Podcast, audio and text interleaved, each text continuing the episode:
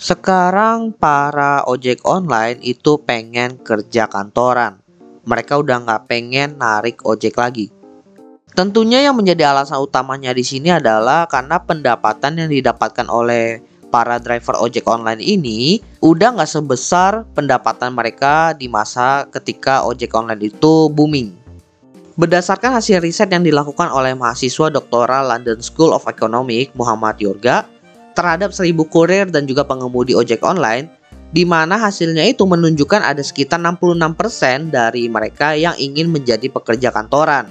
Riset ini dilakukan pada tahun 2021-2022 terhadap para ojol yang bekerjanya itu di daerah Jabodetabek. Ada tiga hal yang mendorong para ojol ini ingin menjadi pekerja kantoran dan tentunya hal ini juga yang mempengaruhi pendapatan mereka. Yang pertama adalah janji terkait pendapatan yang dinilai tidak sesuai. Yang kedua, jumlah pesaing para ojol itu tumbuh signifikan. Dan yang ketiga, guncangan ekonomi akibat pandemi corona. Kita coba bahas satu persatu alasan yang tadi gue sebutin. Yang pertama, janji terkait pendapatan dinilai tidak sesuai. Kalau bicara terkait janji terhadap pendapatan, tentunya hal ini berhubungan antara kerjasama antara driver ojol dengan perusahaan ojolnya. Tentunya hal ini sebenarnya sudah diregulasi oleh pemerintah. Dan bahkan beberapa episode di tahun 2022 gue sempat bahas ini di mana potongan itu terjadi perubahan karena regulasi yang dilakukan oleh pemerintah. Bahkan potongan maksimal yang dibolehkan oleh pemerintah itu maksimalnya 15%. Dan hal itu berbarengan dengan kenaikan tarif saat itu. Buat yang belum tahu bisa lah baca basisnya itu dari keputusan Menteri Perhubungan nomor KP 667 tahun 2022 tentang pedoman perhitungan biaya jasa penggunaan sepeda motor yang digunakan untuk kepentingan masyarakat yang dilakukan dengan aplikasi. Intinya di sini itu ada perubahan di mana besar potongan tarif driver atau biaya tak langsungnya diturunkan dari 20% menjadi 15%. Biaya tak langsung di sini itu terkait biaya sewa aplikasinya. Regulasinya udah ada, tapi kenyataannya bagaimana? Kenyataannya ternyata tidak berjalan dengan lancar masih ada aja aplikator yang masih melakukan pemotongan itu lebih dari 15%. Bahkan menurut Ketua Serikat Pekerja Angkutan Indonesia atau SPAI, Lili Pujiati, penghasilan pengemudi ojol itu hingga saat ini tidak kunjung membaik lantaran regulasi batas maksimalnya. Justru kembali menjadi 20%. Bahkan ada aplikator yang melakukan pemotongannya itu lebih dari 20% sekitar 22 sampai 40% per ordernya. Jadi dari artikel yang gue ambil dari tempo.co ini, ini ada flow-nya nih, di mana aturannya tadi itu Menteri Perhubungan nomor 667 tahun 2022 sebesar 15% potongannya. Kemudian dikembalikan lagi menjadi 20% dengan keputusan Menteri Perhubungan nomor 1001 tahun 2022, dua bulan setelah keputusan yang 667 tadi. Jadi intinya perusahaan aplikator itu tidak memenuhi janji untuk mengikuti regulasi yang sudah ditetapkan oleh pemerintah. Sehingga potongan kepada para drivernya ini jauh lebih besar daripada regulasi tersebut. Dan tentunya hal itu berdampak kepada pendapatan mereka. Lalu alasan kedua yaitu jumlah pesaing atau pengemudi ojol tumbuh signifikan. Jadi kita bisa lihat dari dua sisi ya, dari sisi internal perusahaannya kemudian dari sisi eksternalnya. Di mana kalau kita bilang internal berarti ada rekrutmen yang dilakukan oleh perusahaan aplikator itu untuk mencari mitra drivernya. Yang sebenarnya hal itu sudah terjadi bahkan sebelum pandemi ya. Mungkin seingat gue di tahun 2017, 18, 19 lah.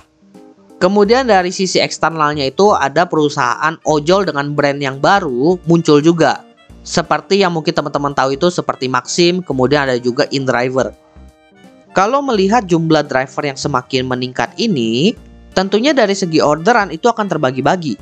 Bahkan kalau kalian lihat dengan seksama, bahwa jumlah orderan itu terbagi melalui dua layer. Layer pertama itu dari sisi brandnya atau sisi aplikatornya. Artinya semakin banyak brand ojol yang muncul, artinya jumlah orderan itu akan semakin terbagi-bagi. Karena dari segi brand aplikator itu tentunya terjadi perang juga atau kompetisi. Dan belum lagi strategi yang dipakai biasanya oleh brand aplikator itu untuk mendapatkan konsumen atau customer, mereka menggunakan strategi perang harga. Sehingga ketika customernya itu pindah ke brand atau aplikator tadi, baru masuk ke layer kedua di mana jumlah ordernya itu lagi dibagi antar driver dari si brand aplikatornya itu. Sehingga jumlah orderan yang ada itu bisa dibilang dibagi dua kali. Dan yang paling parah, dari harga pun juga dikurangin. Tujuannya ya untuk menarik minat si konsumen untuk pindah ke aplikatornya tadi. Jadi ya bisa dibilang, kalaupun satu driver itu bisa mendapatkan jumlah orderan yang sama dengan tahun-tahun sebelumnya, tapi pendapatannya itu ya tetap berkurang karena dari segi harganya aja dikurangin. Plus potongannya juga gede. Lalu kita masuk ke alasan ketiga, yaitu guncangan ekonomi akibat pandemi corona.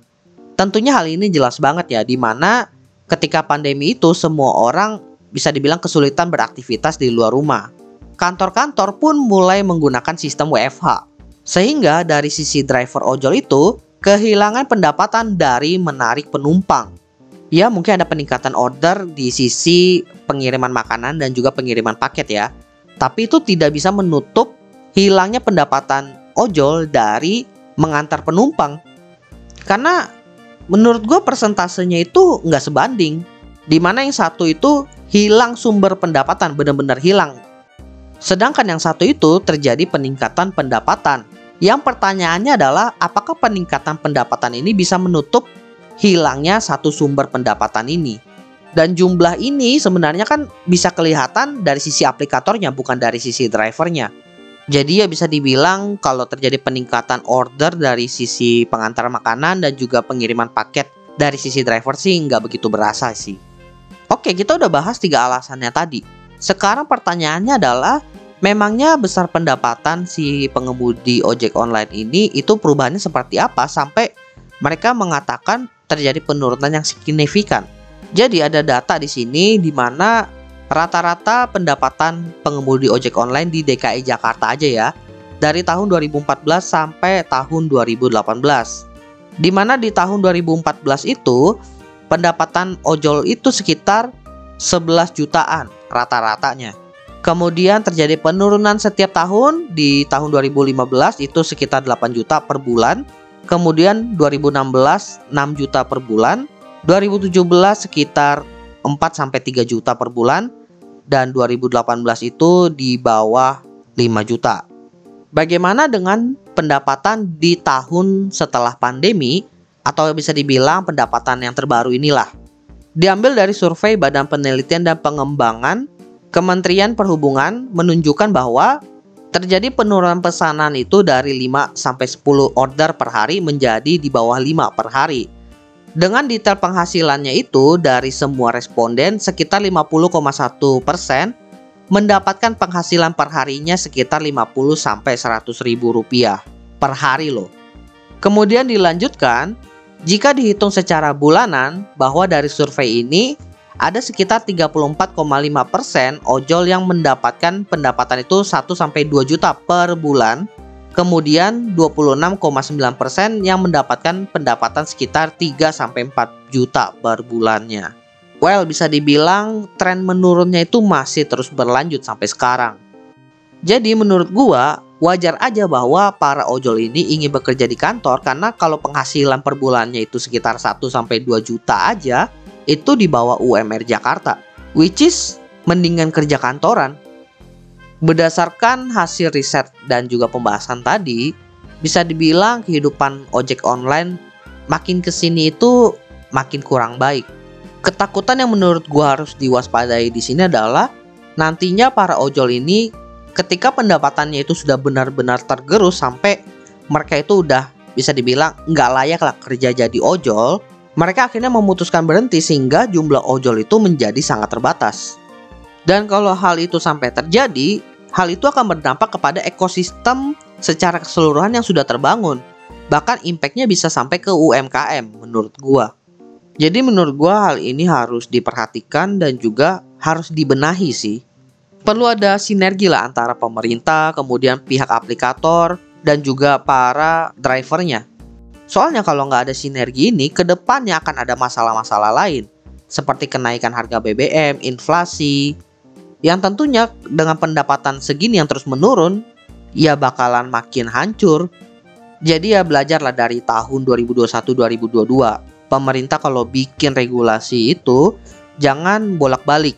Jangan juga bikin regulasi yang mencekik dari sisi drivernya. Lalu dari segi aplikatornya, menurut gua udah mulai harus ngikutin regulasi pertama dan kedua mulai cari sumber pendapatan lain. Jangan terlalu fokus menggerus pendapatan si driver ojolnya. Karena kalau sampai driver ojol itu benar-benar jumlahnya terbatas, pihak selanjutnya yang bakalan kena masalah ya tetap aplikatornya juga. Jadi ya sama-sama mempertahankan ekosistem yang udah mereka bangun lah. Oke, jadi itulah pembahasan dari Opsiana Podcast episode kali ini. Isu terkait ojol ini bisa dibilang isu yang lumayan sering gue bahas juga ya. Karena lumayan relate dengan gua dan juga berhubungan dengan tema teknologi. Ojol ini bisa dibilang adalah bentuk inovasi anak bangsa yang menurut gua sangat inovatif dan bermanfaat. Jadi jangan sampai karena targetnya itu adalah profit profit profit sampai inovasinya itu hilang purpose dan malah jadi kegagalan yang nggak bisa dibanggain lagi. Ya gue berharap yang terbaik lah untuk semua belah pihak. Semoga ketemu solusi terbaik untuk menyelesaikan masalah ini. Ya gitu aja sih. Ya gue sebagai pengguna gue cuma bisa mendukung ekosistem dengan menggunakan aplikasinya dan ngasih tip ke drivernya Soalnya pun gue ragu ya kalau gue kerja misalnya di salah satu aplikator gue bisa mengubah dari dalam. Kayaknya sih susah juga sih. Kecuali gue jadi investor mayoritas ya. Ya gue rasa itu aja sih yang pengen gue bahas di episode kali ini. By the way teman-teman, jangan lupa follow Instagram dan juga akun TikTok Opsiana Podcast di @opsianamedia karena di sana akan ada konten-konten menarik dan juga yang bermanfaat buat teman-teman semuanya. Dan juga kalian akan mendapatkan update dari Opsiana Podcast kalau nantinya ada episode terbaru yang rilis. So, jangan sampai teman-teman ketinggalan sama update-nya. Dan terakhir, jangan lupa juga untuk follow atau subscribe Opsiana Podcast di platform kesayangan teman-teman. Dan nantikan konten-konten menarik dari Opsiana Podcast nantinya di sana. Oke, okay, gua rasa itu aja. Thank you buat teman-teman yang sudah mendengarkan. See you next time di episode Opsiana Podcast lainnya.